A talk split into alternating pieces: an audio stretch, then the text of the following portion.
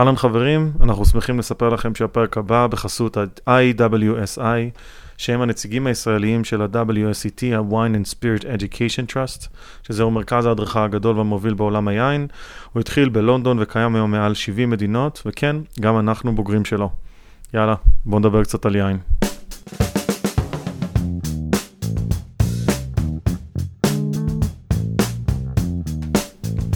אהלן חברים, ברוכים הבאים למוצר צריכה בסיסי, אהלן גיא. היי רע, מה קורה? מעולה מעולה. מה איתך? איפה אתה עכשיו בעולם? הפעם אנחנו הכי רחוקים שאנחנו יכולים להיות. אה, אני בניו זילנד כרגע. וואו, מדינת היין והכבשים. כמה כבשים יש פה, זה פשוט לא יאומן. אנחנו גרים פה במין חווה עם באמת אלפי כבשים סביבנו. זה פשוט מדהים. הסטטיסטיקה אומרת שעל כל אה, תושב בניו זילנד יש שמונה כבשים. שמונה? שמונה? שמונה? שמונה. שמונה כבשים. כבר שכחתי את העברית. שלי. כן, כן, עברית קטן. טוב, יפה, אז, אה, יפה, וגם יין יש לכם שם.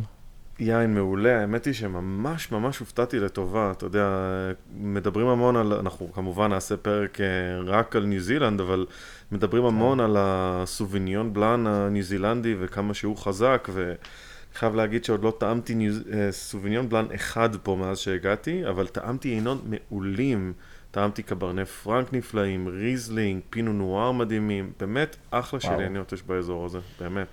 וואו. טוב, יש, יש סיבה טובה נוספת להגיע לניו זילנד, ולא רק מה שראינו בשר הטבעות ו- וכמה שהמקום הזה נראה מדהים. אמ, אבל היום אנחנו נתעסק קצת יותר ב- באזור שאתה אולי קצת מתגעגע אליו, אה, סוג של מקום שאתה קורא לו בית במידה מסוימת, אבל אה, אה, כבר, אה, כבר לא נמצא שם איזושהי תקופה מסוימת, אה, ארצות הברית. כן, אה, נכון, אז זה הפרק שלנו. אני באופן אישי עדיין, ש... בתחושה שלי, שייך לשם, עדיין עובד ביקב האמריקאי בסונומה, בדוורו, אה, ואני מאמין שאני אחזור לשם. זה באמת מקום מדהים, ובאמת זה הנושא של הפרק שלנו היום. אנחנו ננסה לדבר, אה, לתת איזשהו רקע בסיסי על. אה, ביליתי שם במהלך השלוש שנים האחרונות, אז אני אתן את האלמנט האישי שלי, אבל... אה, אתה, אתה ההיסטוריון בין שנינו, אז uh, אני אשמח אם תיתן קצת רקע היסטורי על התעשייה בארצות הברית. אוקיי, אוקיי. טוב, יש הרבה סיפורים על ארה"ב ומאיפה הגיע ומה הגיע, וזני ענבים שהגיעו לשם מאירופה עוד אה, במהלך תקופות הקרח, כשארצות הברית ואירופה היו מחוברות ב- באזורים, אה, בקרחונים גדולים, ואנשים חצו והגיעו לאמריקה הצפונית, זה ממש לא היה עוד ארצות הברית, ויש שם אה, גפנים עתיקות מקומיות. אבל אה, התעשיית יין התחילה בארצות הברית בעצם רק במאה ה-19, לפחות תעשיית יין כמו שאנחנו מכירים. אה. גפנים שהגיעו מאירופה, הוויטיס וניפרה, זנים אה, אירופאים שהגיעו לארצות הברית, אה, ובעצם אירופאים שהגיעו ל- אה, לאמריקה הצפונית, אה, מה שהיה אז, ו- וחיפשו זהב. ויין זה מוצר צריכה בסיסי, וצריך אה, לשתות אה, משהו, אז, אז מביאים גם גפנים ומתחילים לייצר יין. אה, בהתחלה בכמויות כאלה ואחרות, ועושים ניסויים פה ועושים ניסויים שם, ודי מהר מתלהבים מה- מהעניין ומתחילים לייצר לא מעט יין, כולל אה, אה, נשיאים אה, של... האומה החדשה שקשורים בתעשיית היין, ומתחילים, תעשיית היין מתחילה לפרוח, והיא יכלה להיות גם מאוד מאוד גדולה ומשמעותית. האמת שהיא באמת, היה לה את כל הכלים, יש שם אה, את, ה, אה, את השטחים הגדולים ואת כל התנאים הגיאוגרפיים לייצר יין טוב, ועוד נדבר אחרי זה אולי קצת יותר לעומק על הטרואר האמריקאי. אה, אה, ובנוסף לזה, אני לא יודע אם לה- להאשים את האמריקאים, זה יותר את האירופאים, אבל אה, אה, גם הגוונים של אירופה היו, היו קרובות להשמדה באותן שנים, אנחנו מדברים על סוף המאה ה-19, אה, הפילוקסרה. אה, ככה שהיו את כל התנאים יין צפון אמריקני ויין מארצות הברית יהפוך להיות הדבר הכי גדול בעולם. רק שאתה חי, חיית עם אמריקאים, אני לא רוצה להגיד דברים יותר מדי לא יפים, ו, וכבר על הנשיא שלהם ועל אחרים, ועל נשיאים אחרים גם אמרו כל מיני דברים על, על כמות ה-IQ, לא משנה, אני לא אכנס לזה, אבל הם החליטו שזה הגיוני ל, ל, למנוע, לאסור על ייצור אה, אה, יין ואלכוהול מכל סוג שהוא. אה, וזה התחיל בטפטופים באזורים כאלה ואחרים בארצות הברית, עד שב-1919, 1920, mm-hmm. ארצות הברית כולה אימצה חוקי יובש, והחליטו שאסור יותר לייצר אה, יין או אלכוהול ולמכור יין ואלכוהול אה, בארצות הברית. אגב, לא הרבה מכירים, אבל אה, הם לא היו לגמרי חשוכים, הם כן אפשרו ל, לייצר יין אם זה משהו לצרכים דתיים. ואז פתאום כמות הרבנים הדתיים בארצות הברית קפצה פלאים, ממש. העניין הוא ש, שהכל היה בכמויות קטנות מאוד ולא מסחריות, ו-1933, כשחזרו לייצר יין, אז uh, לא, לא באמת uh, היה איזושהי מסורת, לא, לא נשמרה מסורת, היו אזורים שלמים שנמחקו כמעט לחלוטין, תעשיית היין נמחקה כמעט לחלוטין. ומלחמה uh, שבדיוק פרצה באירופה והשפיעה על כל העולם, אה, איפשהו סוף מלחמת העולם השנייה, האמריקאים חוזרים לארצות הברית, אחרי שהם חיו תקופה מסוימת באירופה, שתו הרבה מאוד יין, הופכים להיות מעמד הביניים של ארצות הברית ומתחילים לדרוש יין, ויין לא רק מתוק ומאוד בסיסי, שזה מה שייצרו אז בארצות הברית. נכון, אה, ועם הדרישה הזאת והביקוש שנוצר, גם לאט לאט אה, הוקמו אוניברסיטאות שמתמחות ב, בעולם היין, אם זה ממש לימודי יין, שזה משהו שלא היה קיים בארצות הברית בכלל, אם זה אוניברסיטת דייוויס, אם אוניברסיטת פרזנו, וההקמה שלהם בעצם הקימה איזה שהם מחקרים, אה, המון המון מידע שנוצר דרך הלימודים על התאמת זן הגפן לקרקע, על ניחוחות ביין, כל מיני תורות שקשורות לניתוח יין, ובעצם הם הצליחו להביא את, ה, את המקצועיות ל, ל, ל, לתעשייה הזאת בצורה מיטבית. כן, ואמריקאים כמו אמריקאים, כשמחליטים שהם נכנסים למשהו, אז הם נכנסים עד הסוף. גם כל מיני uh, רופאים ומהנדסים שעזבו את, ה, את העבודה שלהם ונכנסו ליין, ומצד שני חברות ענק ותאגידים שנכנסו לזה, והם בבת אחת משטחים אה, אזורים שלמים, והם מביאים בוצרות, ומביאים את כל המכלי נרוסטה וכמויות אדירות של ציוד, ומתחילים לייצר כמויות של יין. אה, ובעולם הישן של אותה תקופה, אנחנו מדברים על שנות ה-60, 70, אה, מתייחסים לזה די בזלזול. היין של, ה, של הפרימיטיבים שם בארצות הברית, ותדמיין איזה צרפתי ככה עם מבטא כבד ש, שצריך להתייחס ליין, לקברנס סוביניון אמריקני. אה, ו, ושם יש את הסיפור המפורסם עם, ה, עם הסרט המפורסם, אה, משפט פריז. נכון, הסרט ש... אגב, אנחנו הבטחנו ואנחנו נקיים. אה, לקיים אה, פרק שלם על אה, סרטים ועולם הקולנוע ויין. אבל הסרט המוכר, באטל שוק, יין סיפור אהבה, אגב, יופי של תרגום. זה סרט שבעצם מספר את כל הסיפור על השיפוט בפריז ב-1976, שבעצם מומחה סומיליה צרפתי, אם אני לא טועה, הגיע לארצות הברית לחקור את השוק האמריקאי, הגיע לנאפה, הגיע לסונומה, הגיע לאורגון, ניסה כל מיני יינות, פסו רובלס, אה, ובסופו של דבר הביא יינות אה, אמריקאים לטעימה של אה, הסומיליירים הכי הכי מוצלחים בצרפת. והשיפוט הזה בפריז, הם הכניסו אותו, את העינות, לתוך השיפוט בצורה ככה, הם לא ידעו, זו הייתה טעימה עיוורת, אז הם לא ידעו מה הם תואמים. והם אה, נתנו ציונים מדהימים לעיינות אה, אמריקאים, יותר טובים מהעיינות צרפתים. ואם זה היה ביפן אז מישהו היה קופץ על החרב, בצרפת הם פשוט לא קיבלו את התוצאות האלה. אגב, עשו משפט פריז נוסף עשר שנים מאוחר יותר, ושוב האמריקנים קיבלו חוות דעת מאוד מאוד טובות, אבל עדיין הצרפתים לא, לא ממש שותים יין אמריקני עד היום. שאר העולם כן. שאר נכון. העולם שותה יין אמריקני ו- וגומע אותו בכמויות. נכון, וזה האמת היא ברמה המסחרית, שזה בעצם אה, הפורטה של השוק האמריקאי, אה, לא היו צריכים יותר מתחרות אחת אה, להוכיח את הגדולה שלהם והיכולת שלהם להוציא עינות נפלאים. אה, ואגב, עד היום אה, יצא לי לטייל בהרבה מאוד יקבים אה, בארצות הברית, והם עדיין היקבים הגדולים, אם זה ריג' Vineyards, אם זה Stag's Leap, אם זה Clos Du Val, אם זה Shafer או Mondavi, היקבים האלה עדיין ממש מפרסמים את הטעימה המפורסמת הזאת ביקב עצמו.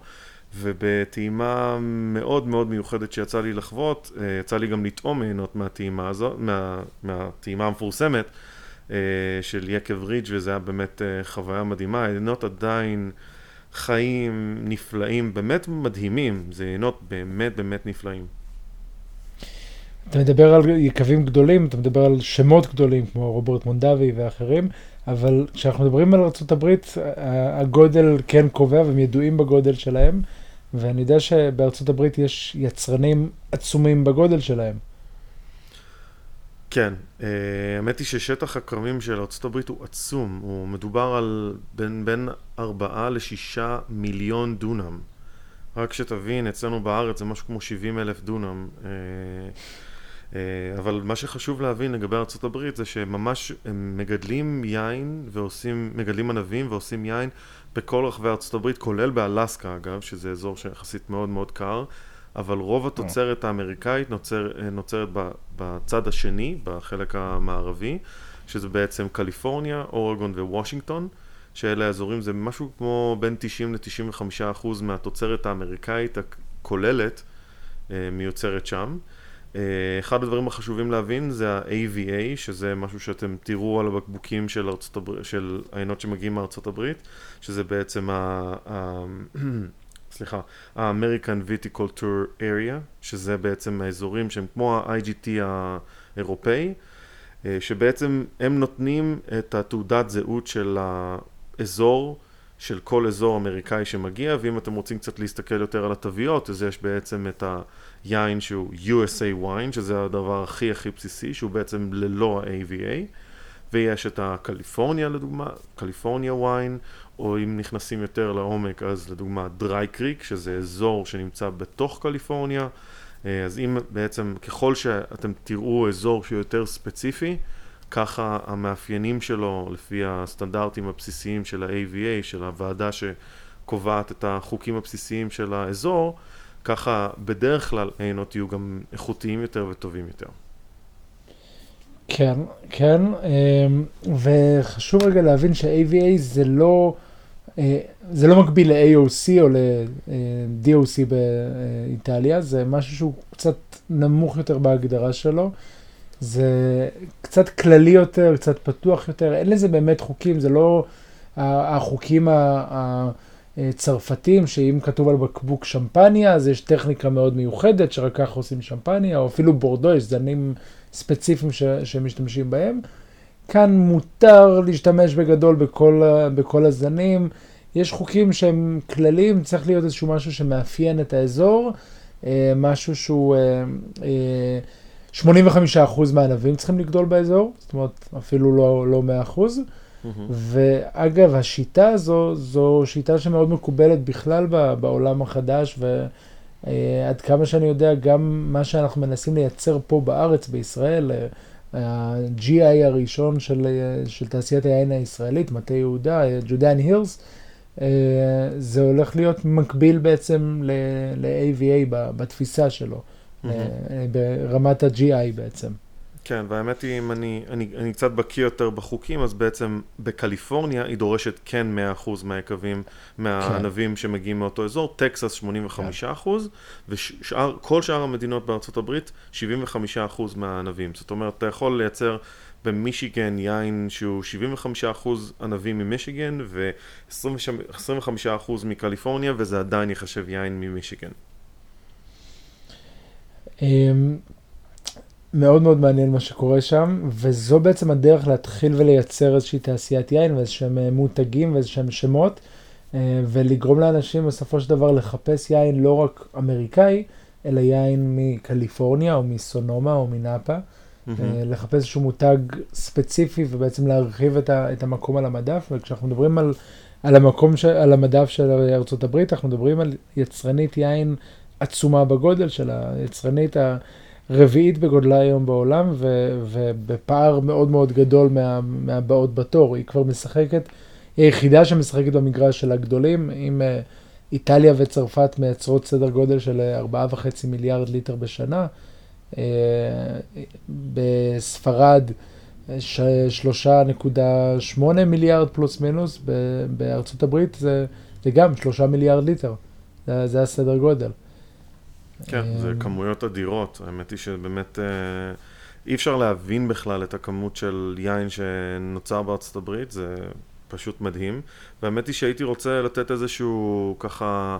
כמה ביג בלוקבאסטרים כאלה, כמה דברים שהם אה, באמת, אה, נגיד אם היית רוצה לטעום יין אמריקאי איכותי מאוד, מה העינות שאתה היית נותן לדוגמה, גיא? וואה, אה, תשמע, כתבתי כתבה פעם על אה, אה, יינות קאלט, ואם אתה מדבר על שמות גדולים, אז בארצות הברית הם אוהבים יינות קאלט, זה חלק מה, מהעניין. marketing. יש שם גם, כן, כן, marketing אלופי העולם. האמת שהם קצת פחות טובים מהצרפתים בעיניי.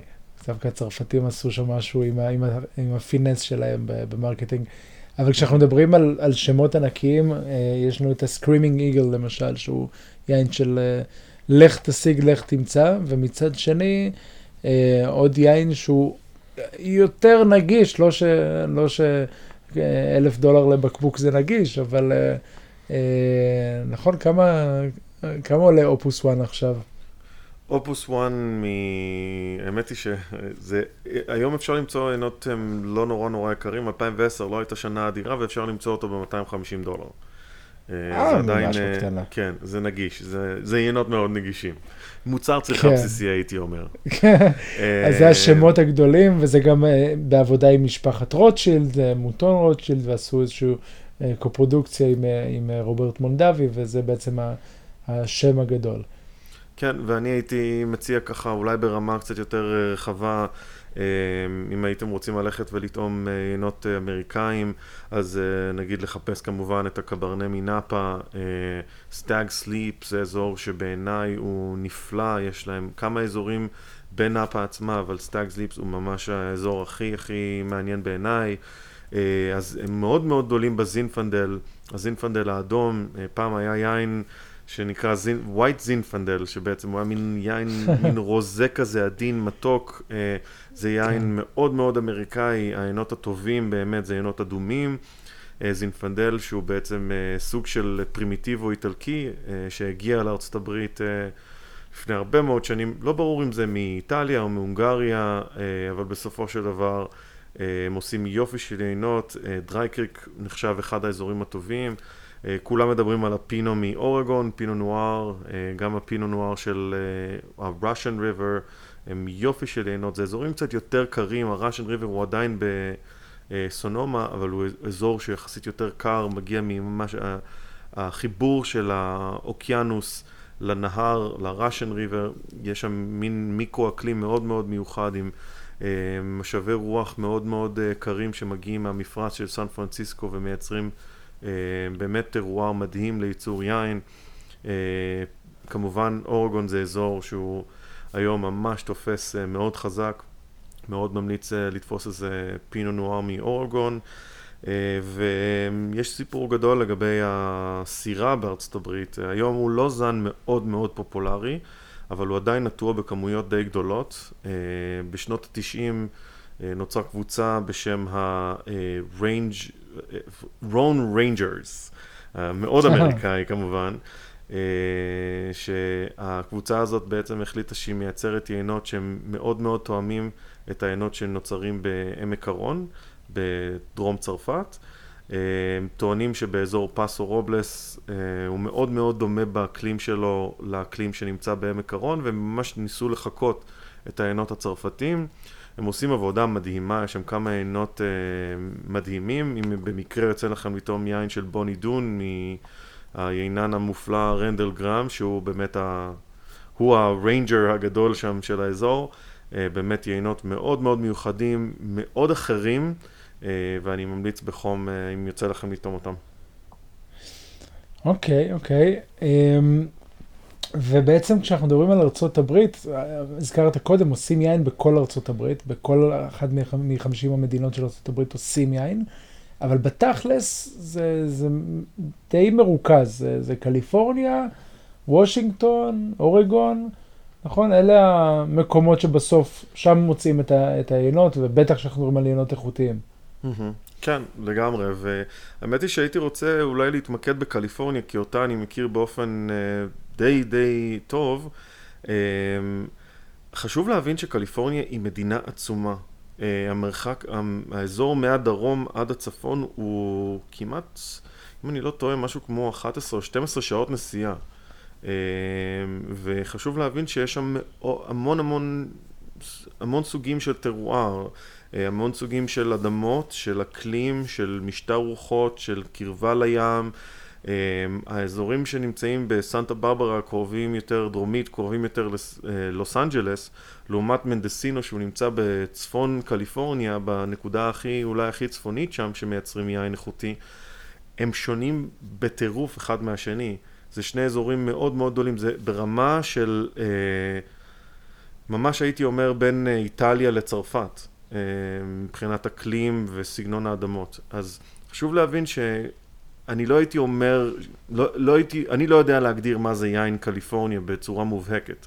יש המון מגמות שמתחילות כרגע, אה, הרבה מאוד יקבים שמפסיקים לייצר את הקברנה והמרלו והפטי ורדו והשרדונה האמריקאי, שהוא אגב מאוד מפורסם עם הטעמים המאוד מאוד אה, עמוקים שלו, עם הרבה מאוד זמן חבית שמחפה על... כל מיני פגמים ביין עצמו, אבל יינות כן. מאוד מאוד מעושנים, כבדים, butter scotch, אמ, חמאתיים מאוד. אמ, אז יש מגמה ללכת לכיוון קצת יותר קליל, באמת הפינו נואר נחשב יותר, אני לדוגמה מגדל בסנומה יינות ענבים שהם אך ורק איטלקיים, כי בעצם לטענת הבעלים, ואני מאוד מאוד מסכים איתו, הענבים האיטלקים מאוד מאוד מתאימים לאקלים בדרי קריק ובאזור אה, אה, צפון קליפורניה. אז אני הייתי מנסה להיפתח גם לכל מיני דברים אחרים. התעשייה הזאת היא מאוד מאוד גמישה, יש שם קהל גדול מאוד שקונה את ה, באמת את הקברנה והשרדונה שהם מאוד מאוד חזקים, אבל לאט לאט אתה רואה כמו פטריות אחרי הגשם, הרבה מאוד יקבים שמייצרים דברים אחרים. הרבה מאוד uh, דברים שקשורים לחקלאות אחרת, חקלאות ביודינמית, ביולוגית, oh, אורגנית, דברים שהם... זה בדיוק מה שרציתי לשאול אותך. מה קורה באמת אנחנו... מבחינת אורגני ביודינמי? הם מאוד מאוד מפותחים, הם מאוד מאוד מתפתחים. שוב, זה uh, הרבה מאוד, העולם הזה, ואנחנו שוב נעשה גם על, על זה פרק שהוא בוודאי מאוד מעניין ומעורר... יש לך הרבה מה להגיד. כמובן, אבל האמת שגם בסוף... לי. אבל בסופו של דבר זה... Um, משהו שהוא גם ברמה, ברמת המדע מתחיל להיות uh, מאוד מאוד אפקטיבי. אפשר לראות שהעינות ברמת ה... ברמה הביולוגית שלהם, ברמת הכימיה של האדמה, הם מצליחים להגיע לאיכות מאוד מאוד גבוהה עם, ה, עם השיטות חקלאות האלה שהן יותר איזוטריות ויותר רוחניות, אבל ברגע שהאמריקאים רואים משהו שהוא יותר, שהוא מדעי, שהוא תקף, שהוא באמת uh, נותן uh, תפוקה א', מדעית, וב', לצערי הרב, גם שיווקית, אז הם מאוד מאוד חזקים בעניין הזה, ואז נוצרים הרבה מאוד מחקרים, כנסים. השנה בחודש מאי הייתי בכנס מאוד מאוד מעניין של ה-International Biodynamic Wines, שהיה מרתק, הגיעו יצרנים מכל העולם, ואתה רואה שהאמריקאים לוקחים את זה מאוד מאוד ברצינות, וממש ממש כל הזמן יש התפתחות. אגב, אחד הדברים שמאוד מאוד מעניינים בכנס הזה שהייתי בו, המשפט האחרון שהדובר הראשי אמר, אה, הוא אמר, אנחנו נמצאים כרגע בחדר שהוא מלא, היה אלפי אנשים, באמת, זה, זה היה פשוט מדהים, גיא. והוא אמר, אנחנו נמצאים עכשיו בחדר מלא, כולם, זה היה רק יצרנים של uh, יקבים ש, שהם ביודינמיים. הוא אמר, אנחנו נמצאים בחדר מלא כרגע, שיש לנו אלפי משתתפים. ביום שארצות הברית, ה-FDA, יחליטו שהם כותבים מה מיוצר, מה החומרים שמותר להכניס ביין, שכרגע נמצאים בתוך היין שאתם שותים, לא יהיה מקום להכניס אף אחד לחדר הזה, כי כולם יהפכו להיות ביודינמיים. אה, זה היה מאוד מאוד מעניין, כי באמת יש, אה, אני לא יודע אם אתה, אה, הקהל שלנו, אתה בטוח יודע, אבל הקהל לא בטוח יודע, שהחוקים בארצות הברית של מה אפשר להכניס ליין לא נאכפים על ידי משרד הבריאות, הם נאכפים על ידי המשרד של הטבק, gunfire ועוד משהו, אלכוהול, אם אני לא טועה.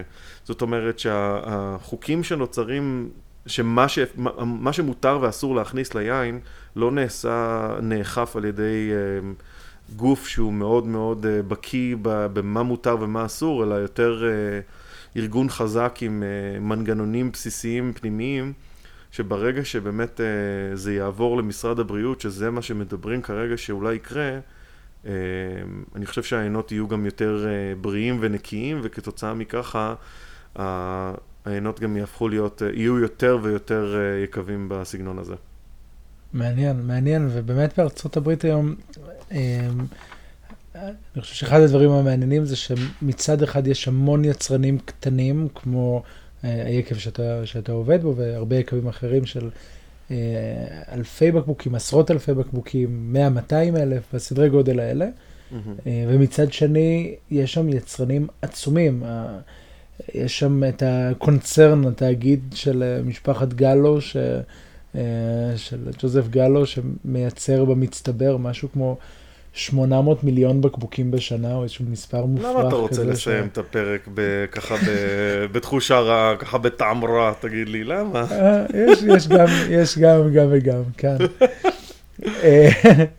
אה, ומעניין מה קורה בכלל ארה"ב, אני חושב שאי אפשר לעשות פרק, ואפילו שהוא פרק אה, ככה ראשוני, ואנחנו נתעמק וניכנס לאזורים שונים בתוך ארה"ב, אבל אי אפשר לדבר על ארה"ב ולא לדבר על כוח הקנייה של ארה"ב. כי אה, ארה"ב היא שחקן מאוד מאוד חשוב בעולם היין, גם בייצור, אבל גם בקנייה ובמסחר, ויש לה תפקיד מאוד מאוד גדול בהשפעה על יתר העולם.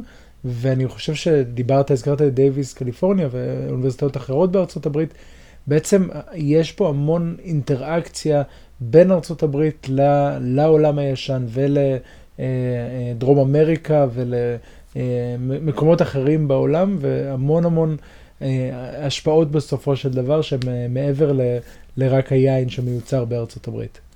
נכון, והאמת היא שאנחנו, הפרק הזה היה יותר על צפון אמריקה, ואנחנו... מבטיחים שאנחנו נעשה גם פרק על אה, דרום אמריקה, אה, שם עיינות מרגשים ומעניינים, והאמת היא שאנחנו ככה לקראת סיום. ו... זהו, רק שנייה, שנייה, אני רק דבר אחד קטן. כמובן. זה ארצות הברית, לא צפון אמריקה, אה, כי אני נכון, הבטחתי נכון. ל... לרוני ססלוב אין מצב שאני אעשה, אדבר על קנדה בלי שיהיה לה נגיעה בעניין הזה, ואחת המומחיות היותר גדולות לעיינות קנדים בארץ ועבדה שם. אה, ורגע לפני עוד שמסיימים, אני רוצה להוציא איזושהי קריאה נרגשת ל, ליבואנים אה, בישראל. אין היום להשיג בישראל כמעט בכלל יינות אמריקנים טובים, יש באמת כמה נקודתיים שמביאים, כמה ספורדים, אבל אין היום באמת, אה, בטוח לא יבואן שמתמחה ביינות אמריקאים. בניגוד ליינות סלובנים וקרואטים שצרו שהתארחו אצלנו, ויינות אוסטרלים ויינות גרמנים ודרום אפריקנים, ויש הרבה מדינות שמתמחים בהם, ומביאים מארצות הברית כמעט ואין, ומצד שני יצרנית אדירה, גם בכמויות, גם באיכויות, גם המון סגנונות וסוגים וניסיונות, והלוואי שמישהו ירים את הכפפה ויתחילו להביא עיינות מעניינים מארצות הברית לישראל. אמן ואמן. אה, חייב להגיד שהם קצת לא נגישים ברמת המחיר גם בארצות הברית. זאת אומרת, מאוד קשה למצוא יין שהוא מוצר צריכה בסיסי בארצות הברית. אה, אפילו שחייתי שם, היינות הם יחסית די יותר יקרים ממה שאנחנו מכירים. אה, אבל כן, יש יופי של מציאות, ובאמת הכפפה הזאת הייתה מאוד במקום, כי יכולים למצוא יופי של יינות שיביאו לארץ, וגם השוק הישראלי יוכל ליהנות מיופי של יינות שיהיו יומיומיים ונפלאים. הלוואי, והלוואי שבקרוב. וטוב, הפרק אה, רץ מהר ונגמר, ואנחנו מקווים שקצת הצלחנו לתת איזושהי זווית כללית על ארצות הברית, ואתם מוזמנים לכתוב לנו על יינות אמריקאים שאתם אוהבים, על חוויות שלכם בארצות הברית. אני יודע שלפחות חלק מהמאזינים שלנו ביקרו שם באזורי יין שונים, ומקווה שיעלו uh, תמונות ויספרו. ורע בטח ידע גם לחלוק איתנו תמונות מהיקב שהוא עובד בו בארצות הברית. לגמרי, ו... ואם כולכם, אתם מעוניינים uh, באמת לעשות איזשהו סיור יין או טעימות בקווים בארצות הברית ואתם צריכים איזושהי עצה, אתם מוזמנים לכתוב, אה, וכמו שאתם רואים, ברגע שאנשים אה, מדברים וכותבים אה, על נושא שמעניין אותם ומסקרן אותם, אנחנו רצים ומקליטים פרק בנושא, אתם תמיד תמיד מוזמנים לכתוב לרעיונות נוספים. זהו, תודה רבה גיא, היה כיף. תענוג ריאה, לגמרי אחלה. לגמרי, ובקרוב. בקרוב נתראה. ביי ביי. צ'או.